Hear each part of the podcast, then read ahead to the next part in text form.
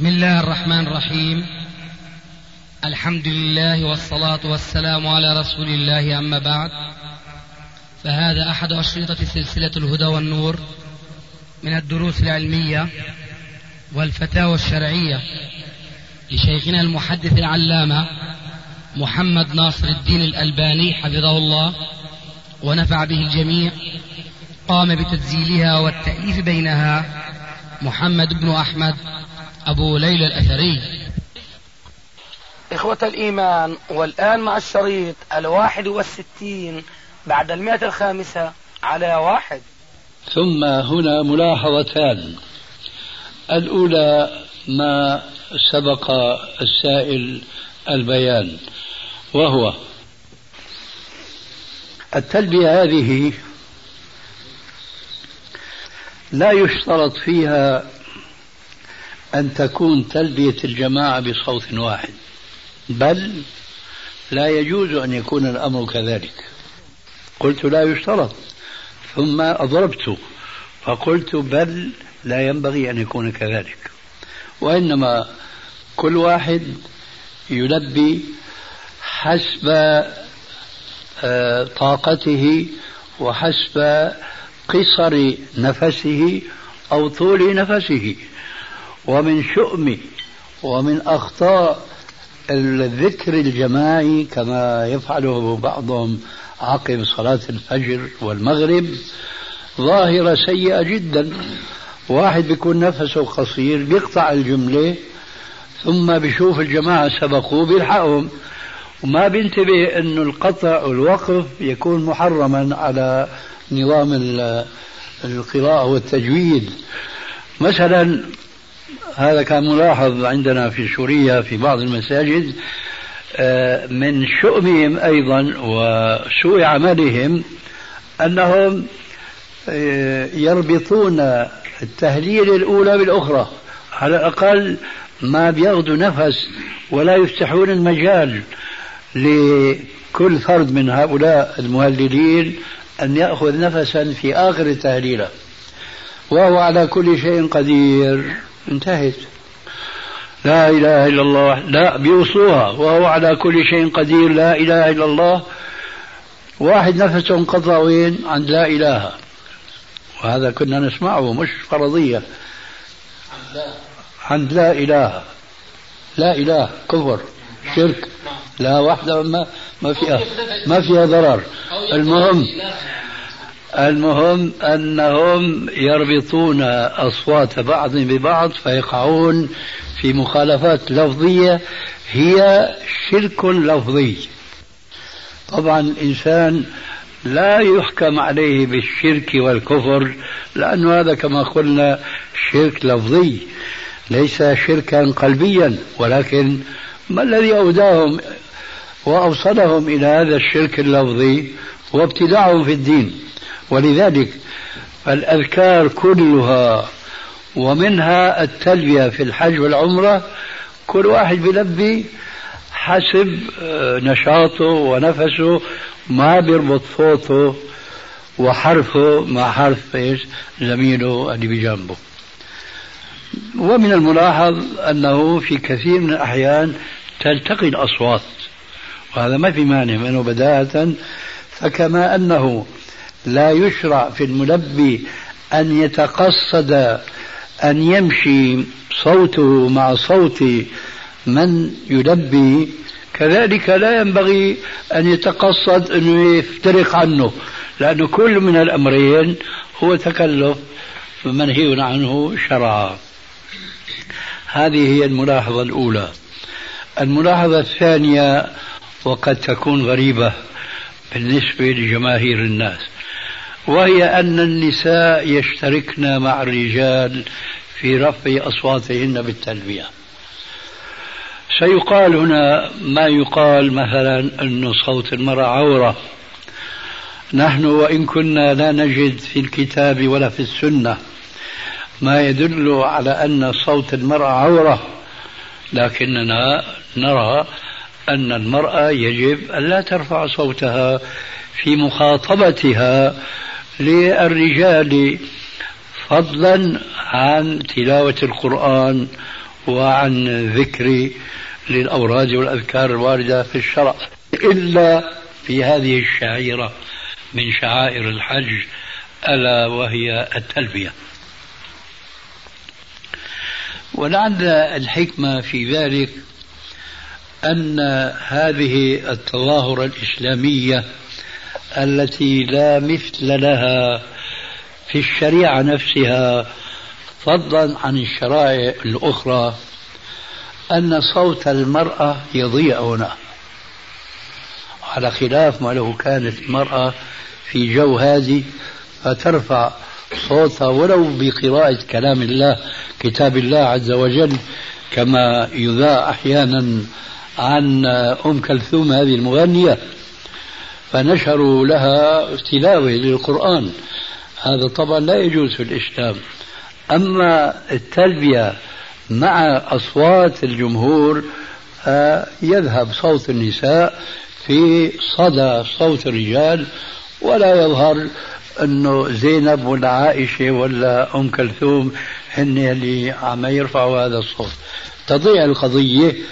لعل هذا من حكمة شرعيه رفع النساء أيضا أصواتهن في هذه التلبية في الحج أو في العمرة. ويستمر هؤلاء الحجاج والعمار في التلبية مع ملاحظة الأدب السابق التسبيح والتكبير في الوهاد والجبال حتى يصلوا إلى مشارف مكة فهناك تنقطع التلبية ويدخلون المسجد. من أي باب تيسر له؟ إذا تيسر لهم الدخول من باب السلام فذلك لعله من من الأولى. إن تيسر دون أن يتكلف ذلك لأنه من الصعب في هذا الزمن بسبب ازدحام الحجاج العمار أن يتمكن المسلم من أن يأتي بكل هذه السنن التي كانت ميسرة يومئذ لوجود عدد لا يزدحم هذا الازدحام الموجود اليوم. فإذا دخل المسجد الحرام أو أراد أن يدخل المسجد الحرام أذكر أيضا بأن الأدب هو هو. أي أن يدخل بتسمية وبالدعاء كما قلنا بالنسبة لمسجد الرسول عليه السلام. ثم يأتي إلى المسجد ثم يدخل إلى المسجد ويذهب إلى الحجر الأسود. فيستقبله ويقبله إن تيسر له ذلك وهذا نادر جدا جدا. أيضا للسبب الذي ذكرته آنفا من شدة الزحام. فإذا تيسر له تقبيل الحجر الأسود دون أن يؤذي أحد من المسلمين بسبب زحامه إياهم فذلك هو من تمام السنة. وكما قال عمر بن الخطاب رضي الله عنه فيما صح عنه إني لأعلم أنك حجر لا تضر ولا تنفع ولولا أني رأيت رسول الله صلى الله عليه وآله وسلم يقبلك ما قبلتك. وفي هذا تنبيه أن العبادات توقيفية. ومعنى توقيفية أنها ليست بالرأي والإجتهاد والاستنباطات. الاجتهاد والاستنباط إنما هو في الأحكام العملية التي لا بد للمسلم أن أن يتخذ موقفا خاصا منها. أما العبادات فهي توقيفية مع النص نقف. ولا نجتهد ولا نقيس. ولا نتوسع. من فروع هذا الأثر العمري والفقه الذي تضمنه المصحف فيه كلام الله المنزل على قلب محمد صلى الله عليه وآله وسلم. هل نقبله؟ الجواب لا. لماذا؟ لأنه لم يكن من عمل السلف. وما أحسن ما جاء في مصنف ابن أبي شيبة أنه سئل عن زخرفة المصحف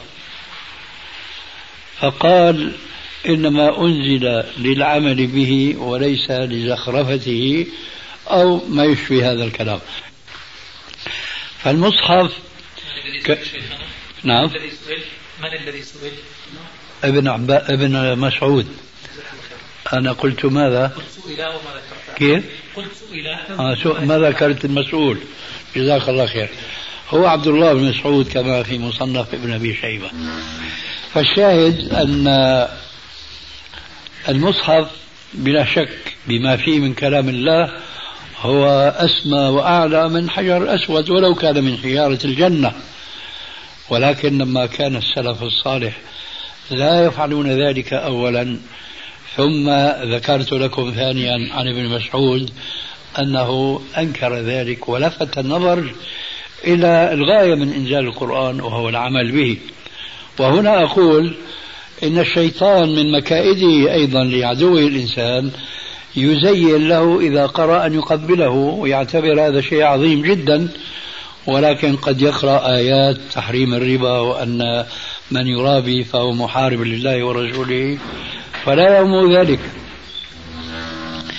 فإذا حينما يقف لتقبيل الحجر الأسود إن تيسر له ذلك فعل وإلا أشار إليه بيده.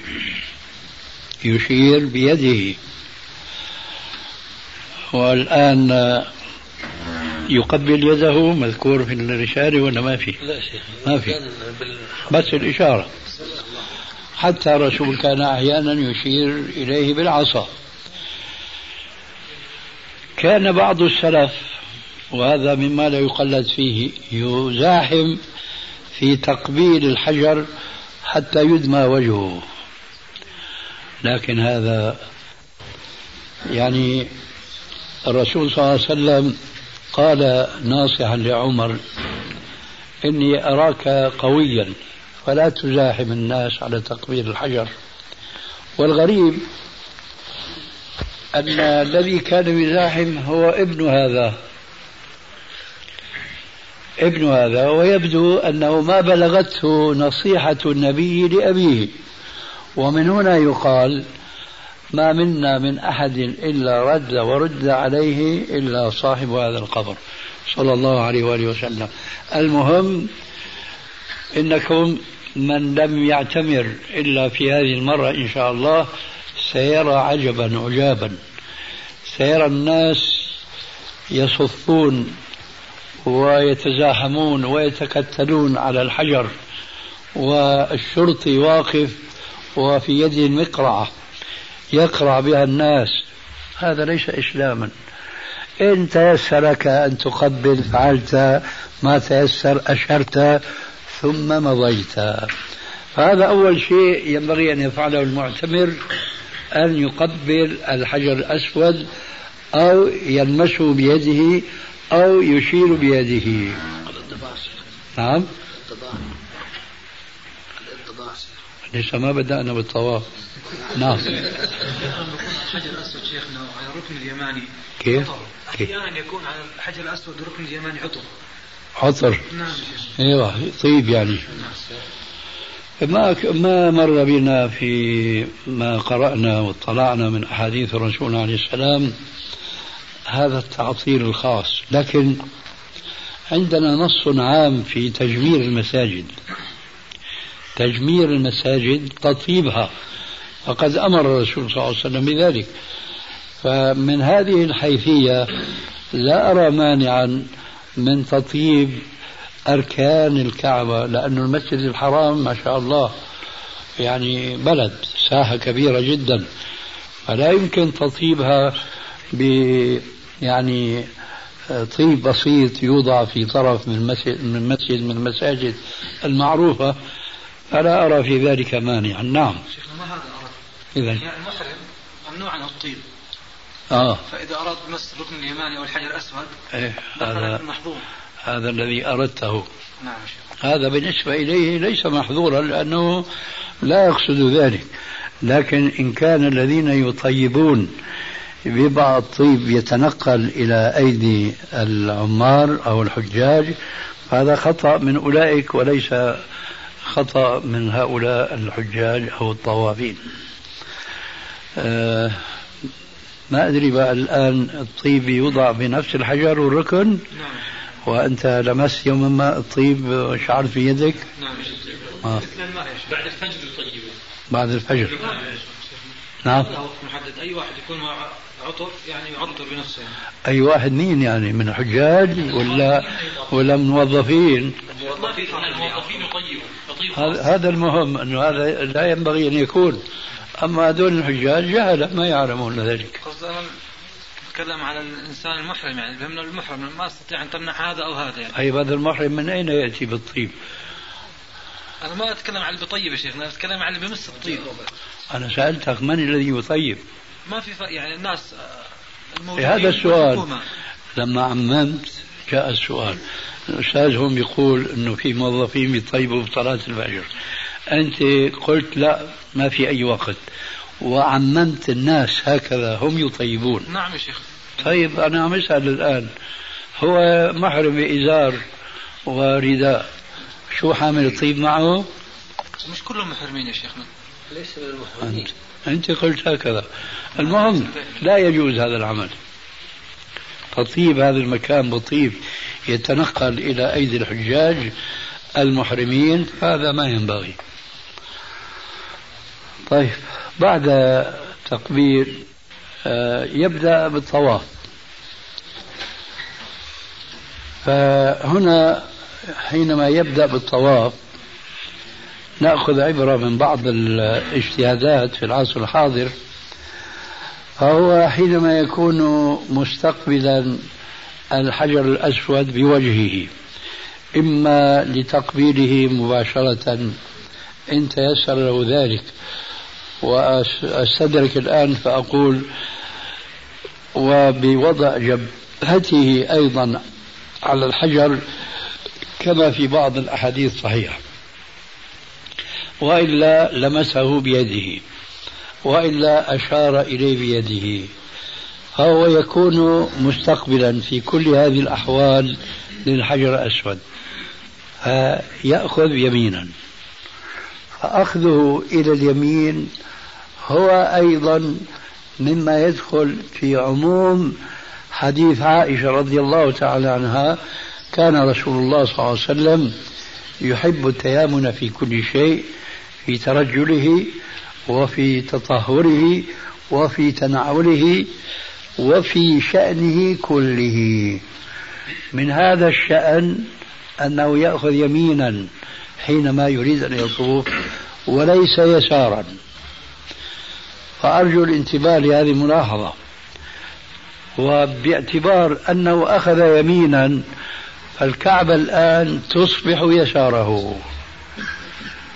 فلا ينبغي أن يشكل الأمر أنه هنا لما أخذ يمينا صارت الكعبة يسارا أن الساقي في المجلس حينما يدخل يبدأ بمن عن يساره. هذا خطأ في العصر الحاضر. أخذه من كون الكعبة صارت عن يسار الطائف. لكن يجب أن نلاحظ الابتداء كيف كان. كان الابتداء أنه أخذ يمينا. ومستقبل الحجر الأسود. أيوة. هذا الاستقبال هو السنة.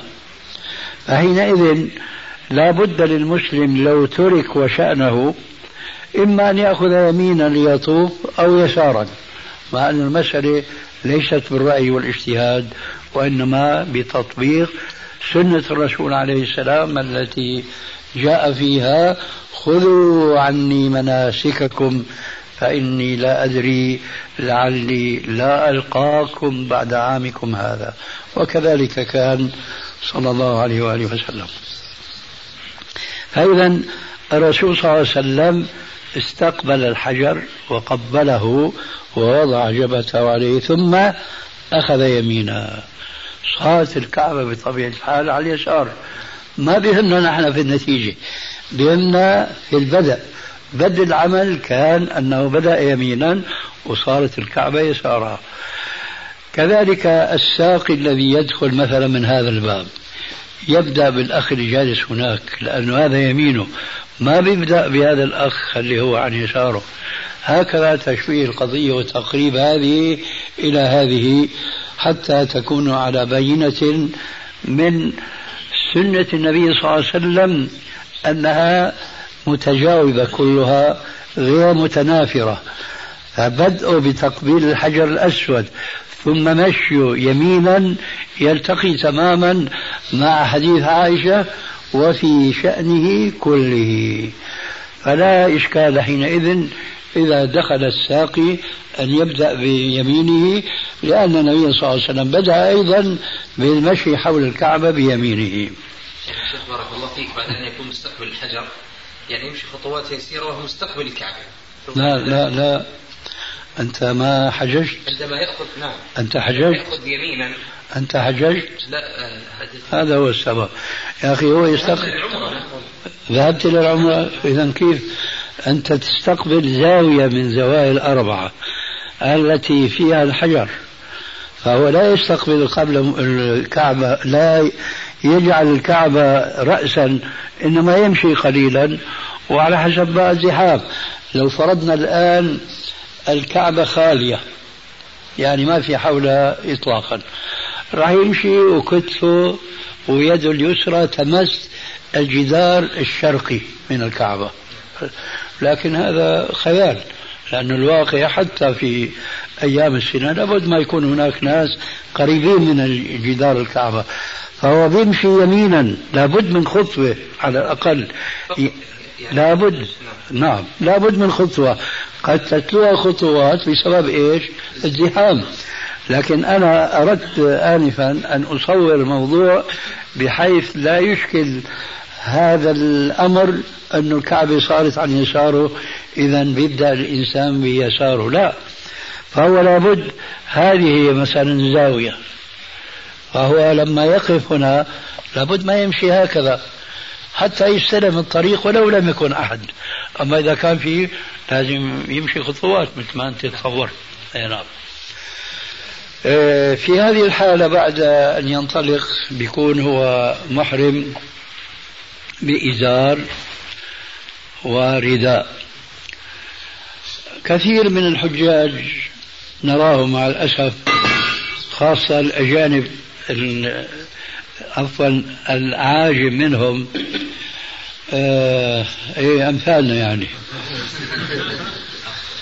ينطلقون من ساعة إحرامهم وإن شاء الله ما يحرموا من بلدهم. لأنه ذكرني هذا الأفغاني الذي أمامي الآن أنه أنا في دمشق الشام منذ ثلاثين أربعين سنة رأيت شيخا محرما. وكاشف عن كتفه. فسلمت عليه. قلت خير ما هذا؟ قال هو محرم من بلده من أفغانستان. لماذا؟ لأن هناك أحاديث تحض على أن يحرم المحرم من دويرة أهله هذه الأحاديث والحمد لله ليست صحيحة الإسناد. بالتالي هي منكرة المتن. لماذا؟ لأنها تخالف هدي الرسول عليه السلام. رسول الله صلى الله عليه وسلم ما أحرم من مسجده. ولو كان مكان غير الميقات يستحب الإحرام منه لكان مسجد الرسول عليه السلام أولى بذلك الإحرام منه. لكن رسول الله صلى الله عليه وسلم لم يحرم وأعني لم يحرم. وهنا دقيقة أرجو أن تلاحظوها معي. أي لم ينوي الإحرام ليس معنى لم يحرم ما لبس الإحرام. لا قد يلبس الإحرام الإنسان من دويرة أهله كلبس خاصة إذا كان يريد أن يركب الطائرة مثلا. فقد لا يتيسر له أن ينزع ثيابه ويلبس إزاره ورداءه لا. فإذا هو بيحرم يعني بيلبس الإزار والرداء وقد يخجل أن يظهر أمام الناس هكذا فبيتعبى بعباية. فإذا ما قرب الميقات رفع العباية هذه ورفع القلنسوة من رأسه إلى آخره. فالرسول لبس الإحرام من بيته لكنه ما نوى الإحرام إلا من ذي الحليفة. ويعجبني ويعجبني بهذا الصدد أثر آه كنت قرأته فيما أظن بكتاب البدع والنهي عنها لابن وضاح القرطبي أو لعل ذلك في كتاب الاعتصام للشاطبي. على كل حال أثر رائع جدا أن الإمام مالكا رحمه الله وتعلمون أنه كان إمام دار الهجرة المدينة. رأى رجلا قد أحرم وهو في المدينة. سأله عن ذلك. قال يريد أن يتقرب إلى الله تبارك وتعالى. قال له أنت تريد أن تقرب إلى الله بمخالفة سنة رسول الله صلى الله عليه وسلم؟ قال له وأي مخالفة هذه؟ إنما هي خطوات من ذي الحليفة من المدينة إلى ذي الحليفة. فذكر عبارة معناها لا يحضرني الآن بالضبط إنما أنكر عليه أشد الإنكار. نعم. ذكروا بقول الله تبارك وتعالى فليحذر الذين يخالفون. نعم. فأنكر عليه أشد الإنكار وقال محذرا له من هذه المخالفة قوله تعالى فليحذر الذين يخالفون عن أمره أن تصيبهم فتنة أو يصيبهم عذاب أليم. إيه، هنا قال ذلك الرسول أي فتنة هذه وإنما هي خطوات؟ فذكره بأن رسول الله صلى الله عليه وسلم هو أعبد منك وأتقى لله منك. فلو كان الذهاب آه، إلى العمرة الإحرام من المدينة كان الرسول عليه السلام فعل ذلك. فالشاهد أن كثير من هؤلاء الحجاج العاجم يحرمون ليس فقط من الميقات بل وقبل الميقات ثم يكشفون عن منكبهم الأيمن. فهذا الكشف بدعة إلا في أثناء الطواف وطواف القدوم فقط. طواف القدوم فقط. فيطبع يكشف عن كتفه اليمين وبيلقي بقية الإزار على كتفه الشمال. ويهرول يرمل في الأشواط الثلاثة الأولى. وفي البقية يمشي مشيته العادية. وليس هنا في أثناء الطواف ذكر خاص إلا ما بين الركن اليماني والحجر الأسود. وذلك أن يقرأ الآية الكريمة ربنا آتنا في الدنيا حسنة وفي الآخرة حسنة وقنا عذاب النار. أما بقية الجهاد فما تيسر له. إن شاء تلا ما تيسر له من القرآن أو ذكر الله بأي نوع من الأذكار أو تحدث مع صاحبه في بعض المسائل الشرعية الدينية خاصة فيما يتعلق بمناسك الحج. كل ذلك لا بأس به لكن يبتعد عن الكلام الذي لا فائدة منه. لما تعلمون من أن النبي صلى الله عليه وسلم جعل الطواف صلاة وإنما وإنما أباح الكلام نعم فلا تكلموا إلا بخير. فهذا من أمور المتعلقة بالطواف والأشواط تكون كما تعلمون سبعا ثلاثة كما ذكرنا بالاطباع والكشف عن المنكب الأيمن والإسراء ثم لا يسرع في بقية الأشواط الأربعة. وهنا في خلاف هل الرملان هذا آه، مربوط مع الإطباع أما الإطباع يستمر إلى آخر شوط؟ أما بقية الجهاد فما تيسر له. إن شاء تلا ما تيسر له من القرآن أو ذكر الله بأي نوع من الأذكار أو تحدث مع صاحبه في بعض المسائل الشرعية الدينية خاصة فيما يتعلق بمناسك الحج. كل ذلك لا بأس به لكن يبتعد عن الكلام الذي لا فائدة منه. لما تعلمون من أن النبي صلى الله عليه وسلم جعل الطواف صلاة وإنما وإنما أباح الكلام نعم فلا تكلموا إلا بخير. فهذا من أمور المتعلقة بالطواف والأشواط تكون كما تعلمون سبعا ثلاثة كما ذكرنا بالاطباع والكشف عن المنكب الأيمن والإسراع ثم لا يسرع في بقية الأشواط الأربعة. وهنا في خلاف هل الرملان هذا آه، مربوط مع الإطباع أما الإطباع يستمر إلى آخر شوط؟ والذي ترجح فيما بقي في ذاكرتي أنه يظل مطبعا إلى آخر الشوط. أما الرملان ففي الأشواط الثلاثة الأولى. آه، بعد أن ينتهي من هذا الطواف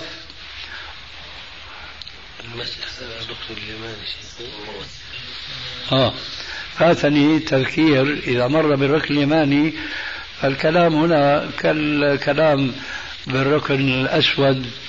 إن تيسر له اللمس ففعل وإلا مضى. وهذا أهون تجربة أهون بكثير من لمس الحجر الأسود فضلا عن تقبيله. ولكن مع ذلك ينبغي أن لا يزاحم خاصة إذا كان بين يديه النساء. فهذا اللمس هو السنة ليس هناك تقبيل. فينمس إن تيسر وإلا مضى في سبيله وينبغي ألا ينسينه اللمس هذا أن يقرأ الآية المذكورة آنفا بين الركنين.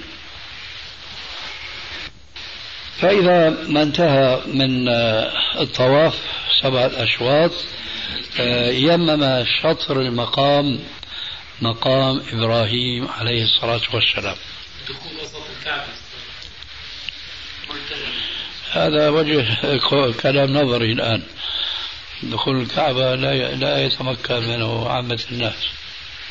لا حجر إسماعيل يعني بعض يدخل في حجر إسماعيل آه الدخول. يعني من أجل الصلاة.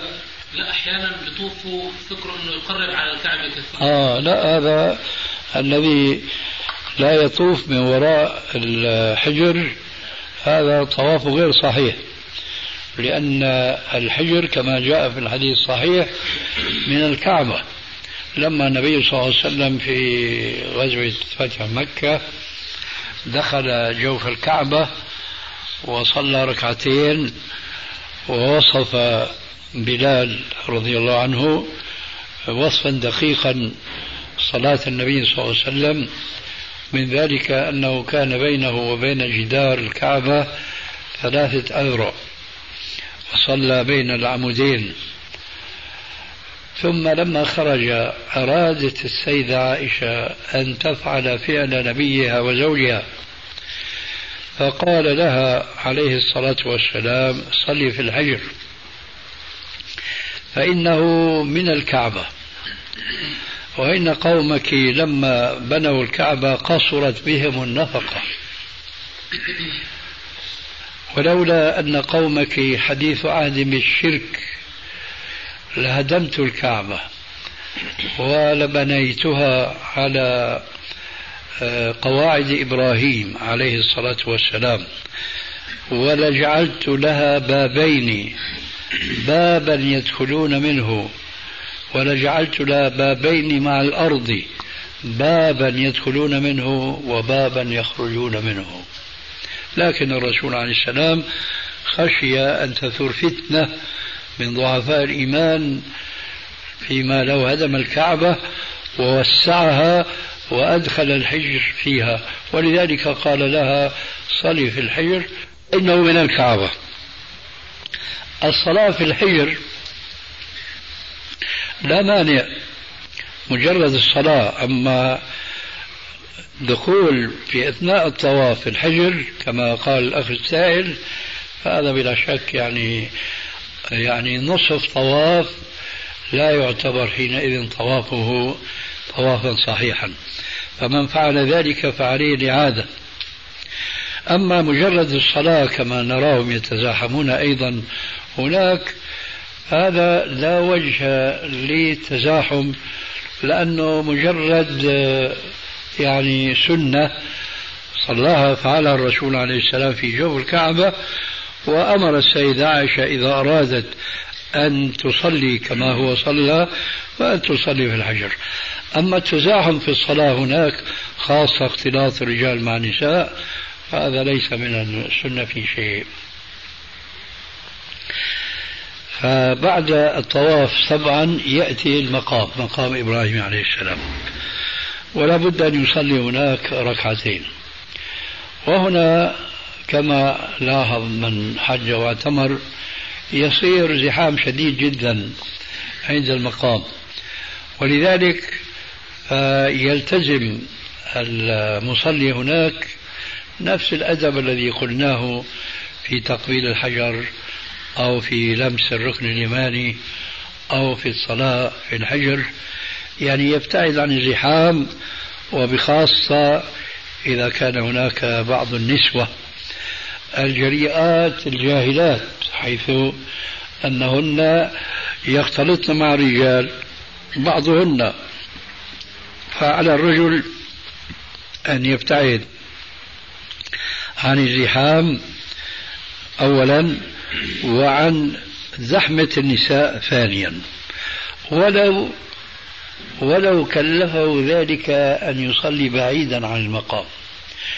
لأن معنى قوله تبارك وتعالى في القرآن واتخذوا من مقام إبراهيم مصلى. فهذا النص القرآني يطبق على قدر الإمكان. فيقول العلماء أن النص المطلق يجري على إطلاقه. ومعنى هذا أن الذي يريد أن يصلي يقترب من المقام ما استطاع إلى ذلك سبيلا. لم يتيسر له في الصف الأول مثلا أو تجاه المقام تماما يأخذ يمينا يأخذ يسارا. يتأخر الصف الثاني صف ثالث رابع.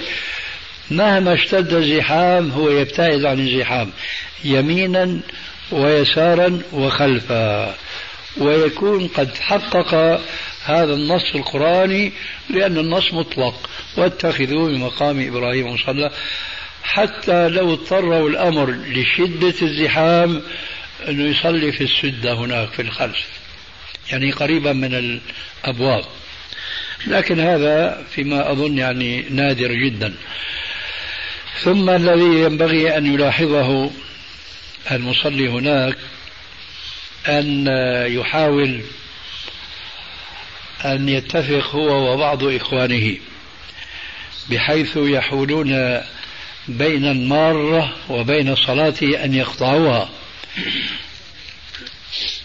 لأن الجهل القائم على حديث مجهول يعني عند أكثر الناس حتى بعض أهل العلم ضعفه أولا ثم لو صح دلالته ثانيا حيث يحتجون به أن المسجد الحرام مستثنى من إثم المرور بين يدي المصلي ومستثنى من الأمر باتخاذ السترة. وهذه دعوة باطلة لا أصل لها في السنة. وشبهتهم في ذلك حديث مروي في بعض السنن كسنن النسائي وغيره أن النبي صلى الله عليه وسلم طاف آه، صلى والناس الطائفين يمرون بين يديه. فقلنا بأن هذا الحديث أولا لا يصح من حيث إسناده لأن فيه جهالة في بعض الرواة الذين لم تثبت عدالتهم. ثانيا لو صح هذا الحديث فليس فيه أن الطوافين كانوا يمرون بين يدي الرسول بمعنى بينه وبين موضع سجوده لأن هذا هو المحظور. الممنوع بالنسبة للمار بين يدي المصلي إنما هو مرور بين المصلي وبين موضع سجوده.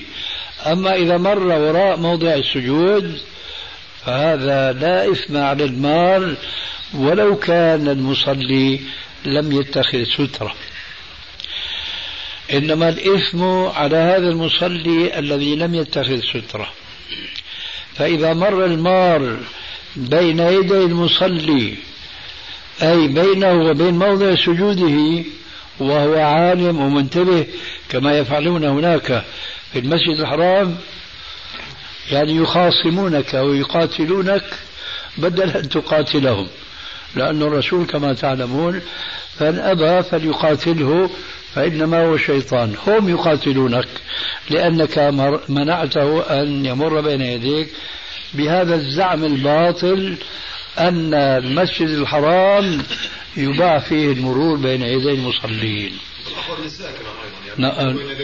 النساء أشكل لأن هذا في المذهب الصحيح يبطل الصلاة.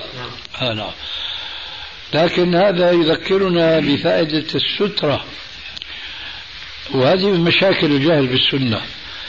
أكثر الحجاج أو كثير من الحجاج حتى ما نكون مبالغين في القول كثير من الحجاج تبطل صلاتهم بمرور النساء بين أيديهم.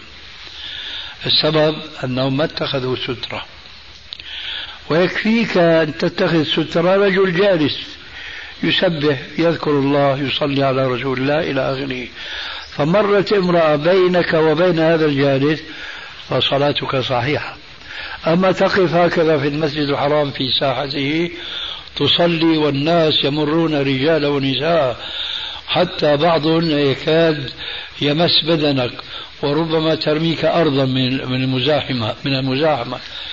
إيه هذا إيه، يجعل هذا المرور من النساء يبطل الصلاة إبطالا كما لو صلى بغير وضوء. وينقص من فضيلة الصلاة فيما إذا كان النار غير المرأة. لذلك فالسترة واجبة الاتخاذ في كل المساجد ومنها المسجد الحرام. فهذا الحديث أولا إذا عرفتم ضعفه من حيث إسناده وعرفتم أن دلالته ليست قاطعة بأن الطوافين كانوا يمرون بين الرسول عليه السلام وبين موضع سجوده.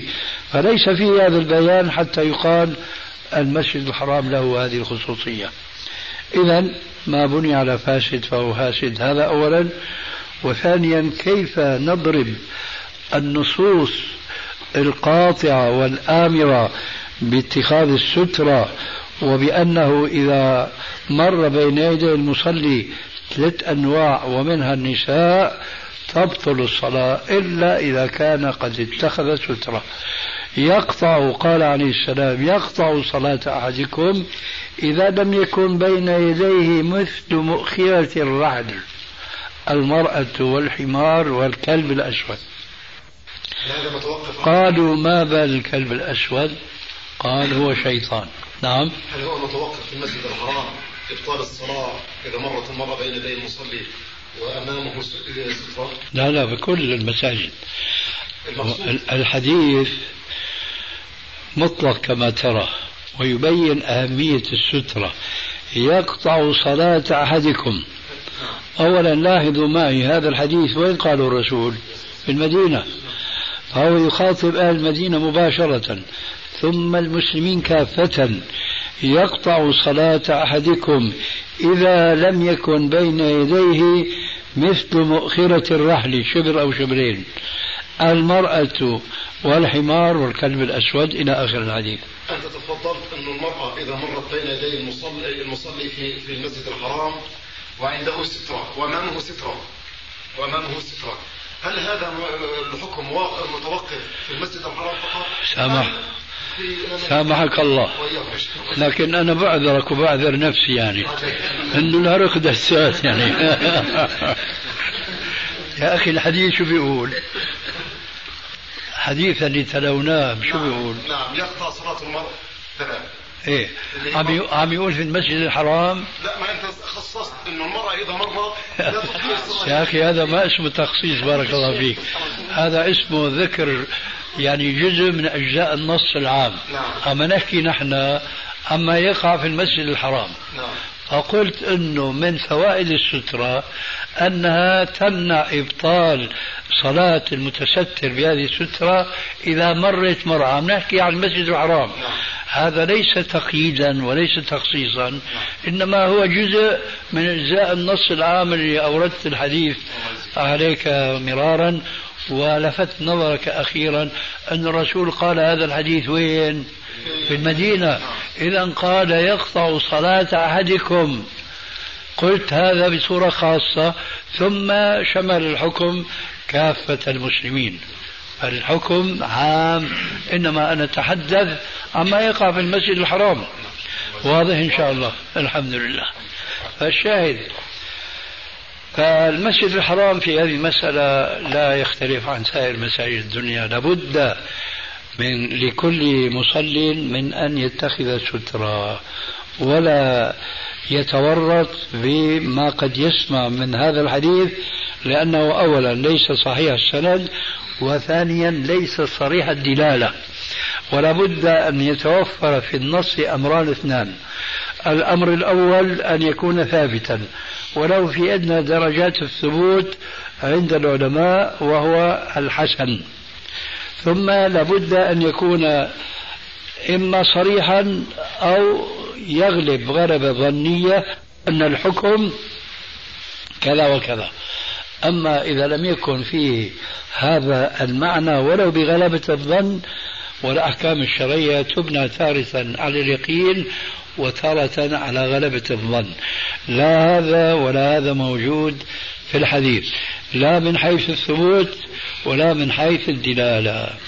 ثم لفت نظركم إلى أنه مع هذا وهذا مخالف لعموم الأحاديث التي تأمر باتخاذ السترة وبخاصة هذا الحديث الأخير يقطع صلاة أحدكم إذا لم يكن بين يديه مثل مؤخرة الرعد المرء والحمار والكلب الأسود.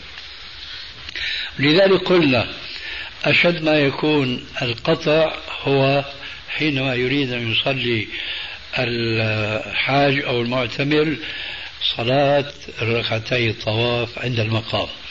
فلا بد هناك من أن يتعاون الأخوان أنه يقف واحد في وجه من يمر. أنا مثلا أريد أن أصلي هنا فهذا يقف هنا. إذا رأى رجلا يريد أن يمر بيمنعه أو يريد أن يجتاز هكذا أمامه أيضا منعه هكذا. ثم يتبادل. هذا يصبح مكان ذاك وذاك مكان هذا وهكذا. حتى تكون الصلاة كاملة وغير مشغول بال الإنسان بدفع هذا الذي قد يمر. أنا الحقيقة صارت معي أول حجة حججتها. ما شفت حالي غير أنه أنا كنت أنصرف عن صلاتي. ليش؟ أنا عم أصلي لا أكاد أضع يدي. وهكذا.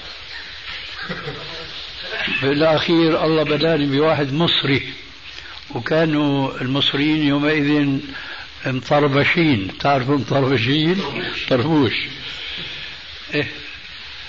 فواحد مصري يعني في حدود أربعين خمسة وأربعين عمره مطربش. أراد أن يمر منعته أراد أنه إيش؟ يجتاز رغم أنفي فصديته. حينئذ عرف أنه أنا يعني رجعي تماما كما يقولون. فوقف علي. ما تركني يمشي في سبيله لأني أنا المخطئ في دامه. بعد ما سلمت صاح في وجهي. بتعرف المصريين لسنين قر قر قر بيحكي وشي بنفهم وشي ما بنفهم بعدين اتدخل مين؟ الشرطي اللي يقف عند المقام. الشرطي مع الأسف كمان بيوظفوا موظفين لا علم عندهم. قال يا شيخ في قول إنه يعني ما ما بضر يعني مرور بين يدي المصلي. وأنا حديث عهد يعني بالمسجد و ويعني مش قوي في العلم معتد يعني بعلمي. سألت ما في عندكم هون علماء؟ نسألهم قالوا لا في بعض الغرف كانت يومئذ؟ الآن ما لها وجود. إلا غرف خاصة. والله اهتدينا. واجتمعنا مع بعض علماء مجلس والله عامر. وأجل العلماء كما تعلمون اختلفوا علينا. منهم من يقول بمقتضى هذاك الحديث وأذكر لكم أنه أنا علمي يومئذ على قده كما يقولون فوجئت بهذا الحديث. فوجئت ما كان عندي خبر عنه. إيه. وبعض بيقول لا ما بيجوز المرور لا في هذا المسجد يعني كما نحن نتمنى الآن. فكان ذلك مفتاح للبحث مني في هذا الحديث لأنه شغل بالي. الحقيقة كان هناك مكتبة اسمها قديما مكتبة المسجد الحرام نقلت خارج آه شو اسمه هذا الطريق؟ نعم. عند باب آه. فكانت المكتبة غرفة كبيرة جدا من غرف المسجد الحرام. صرت أتردد عليها وأقمت أنا هناك يعني زمن طويل والحمد لله إلى 11 من شهر محرم الحرام. تأخرت بعد الحج. فكان ديدني أنه أدخل المكتبة وراجع فيها خاصة في هذا الحديث. فتبين لي من يومها وتأكدت من ذلك أن هذا الحديث ضعيف ولذلك ذكرته في ضعيف سنن النسائي. ونظرت في دلالته أيضا دلالته ليست واضحة إطلاقا. فقلت الحمد لله لربنا هدانا لهذا وما كنا لنهتدي لولا أن هدانا الله. ولذلك فواجبي أن أذكركم بأن تأخذوا حذركم من أن تتعرض صلاتكم لأمثال هؤلاء الجهلة. ولا يكون ذلك إلا بهذه الطريقة التي ذكرتها لكم. يعني واحد يصلي والآخر يقف بين يديه يمنع المارة أن تمر. ثم بعد ذلك تنطلقون وتذهبون إلى ماء زمزم وتشربون منه وتكثرون منه. والمهم أن تستحضروا يعني النية والقلب مع الله تبارك وتعالى وأن تدعوا هناك بما يهمكم من أمور دينكم. للحديث الذي يقول ماء زمزم لما شرب له. وهذا الحديث قد صح عندنا بمجموع طرقه. وبخاصة أن كثيرا من الحفاظ قد لمسوا أثر شربهم لهذا الماء المبارك فيما نووا عند شربه. كالحافظ مثلا الذهبي والحافظ ابن حجر العسقلاني فكل منهما دعا هناك عندما شرب هذا الماء واستجاب الله عز وجل لهما.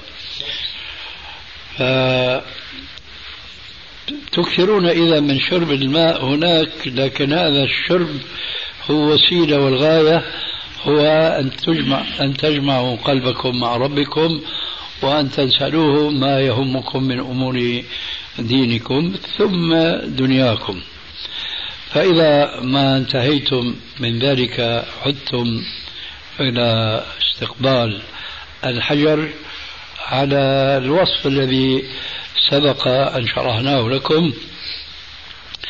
ثم بعد ذلك تقصدون الوقوف في الصفا في أحاديث الحقيقة وصح بعضها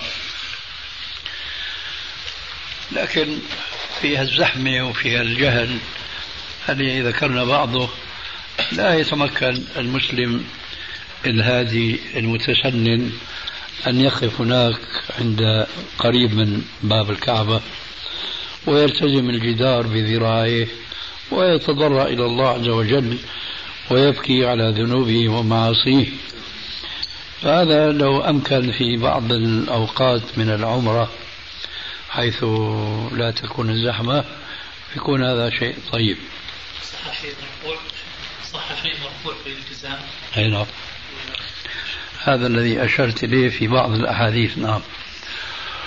آه هناك يقف في الصفا عفوا شيخ بالنسبة للملتزم. يعني خلال الطواف في أي شوط من الأشواط ولا بعد ما ينتهي من الأشواط؟ الملتزم. لا في أي شوط. في أي شوط. شيخي هنا جزاك الله خيرا. ما استفدنا منكم في كتابك. ذاكر نقل عن ابن تيمية وأنت يعني أيدت هذا الكلام. في الملتزم قلت إذا لم يتسع مكان له في الملتزم يلتزمه حقيقة يتنحى قليلا على سوى الملتزم ويدعو. تنقل عن ابن تيمية هذا القول أيوة. أنت تؤيده يعني مشان يعني تقريب للموضوع. أيوة إذا ما أمكنه يعني. إذا ما أمكنه الالتزام من كثر الازدحام فهو يبتعد قليلا عن الازدحام ويدعو في منطقة الملتزم. الواقع أستاذ انه الملتزم أنا كثير شفتها لاحظت الملتزم في يعني أخف من غيره ازدحام. كلهم بيلتزموا تحت الباب بيتركوا المكان اللي بين الحجر وبين الباب. لا موجود كثير بعد الباب. بس أكثر أستاذ أكثر ناس بيوقفوا تحت الباب بيوقفوا عند الملتزم إيه؟ اذا هذه فرصة لمن يريد أن يحقق ذلك. حوالي صفحة أنت شيخي ناقل على ابن تيمية في هذا المجال. ما شاء الله والله أنا بعيد عهد يعني وما. استطعت الحقيقة بالرغم أنه أخونا الأفغاني كان أنبأني من أيام عن هذه الجلسة بس ما تفرغت أني راجع. الموضوع ولو برسالتي آه، في رسالتك تقريبا صفحة تتكلم عن هذا الموضوع. نقلا عن ابن تيمية وأنت تؤيد هذا جزاك الله خير. لعل في الرسالة شيخنا مذكور أنه ما صح الالتزام بجمع فعل السلف الصالح. ما صح شيء في المرفوع. ما صح شيء في المرفوع في إن كان هذا مذكورا فيجب إعادة النظر لأنه أنا أوردت بعض الأحاديث في صحيح ال- الجامع. كان يضع يديه ووجهه نعم. كان يضع صدره. نعم يلزق ويضع نعم. صدره كذا. على كل حال ذكرونا نعيد النظر في الرسالة ونشوف بقى أيما أصح. فإذا صعد الحاج أو المعتمر إلى الصفا فينبغي أن يستقبل الكعبة. ومن الملاحظ الآن بسبب البنيان الذي أقيم منذ سنين والأعمدة تحول بين الواقف في ذاك المكان وبين رؤيته الكعبة إلا إذا دقق النظر. فبإمكانه أن يرى سواد ال- الستائر الممدودة على الكعبة بين عمودين فقط. ولذلك آه، ينبغي أن يتحرى هذا لأنه غير واضح الكعبة حينما يقف على الصفا. ثم يرفع يديه هناك ويدعو بالدعاء الوارد بالت- بالتهليل ويدخل الدعاء بين كل تهليلة وأخرى. وليس القيام في الصفا ليس له حد محدود وإنما يكثر من التهليل ومن الدعاء ويكون الدعاء بين هذا الذكر.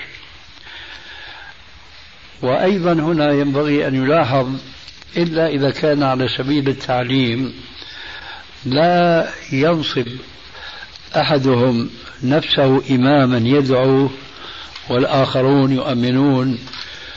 شأنهم في ذلك كما يفعلون عقب دبر الصلوات. فهذا الاجتماع على الدعاء دبر الصلاة ليس من السنة في شيء. كذلك الحكم هناك. كل واحد يستقبل الكعبة ويذكر الله بما هو وارد من التهليل ويدعو بما هو يعني أحوج ما يكون إليه. كإنسان مثلا مذنب مع الله مذنب مع عباد الله فيطلب من الله عز وجل أن يغفر له وأن يستجيب له ما يسأله من خير الدنيا وخير الآخرة.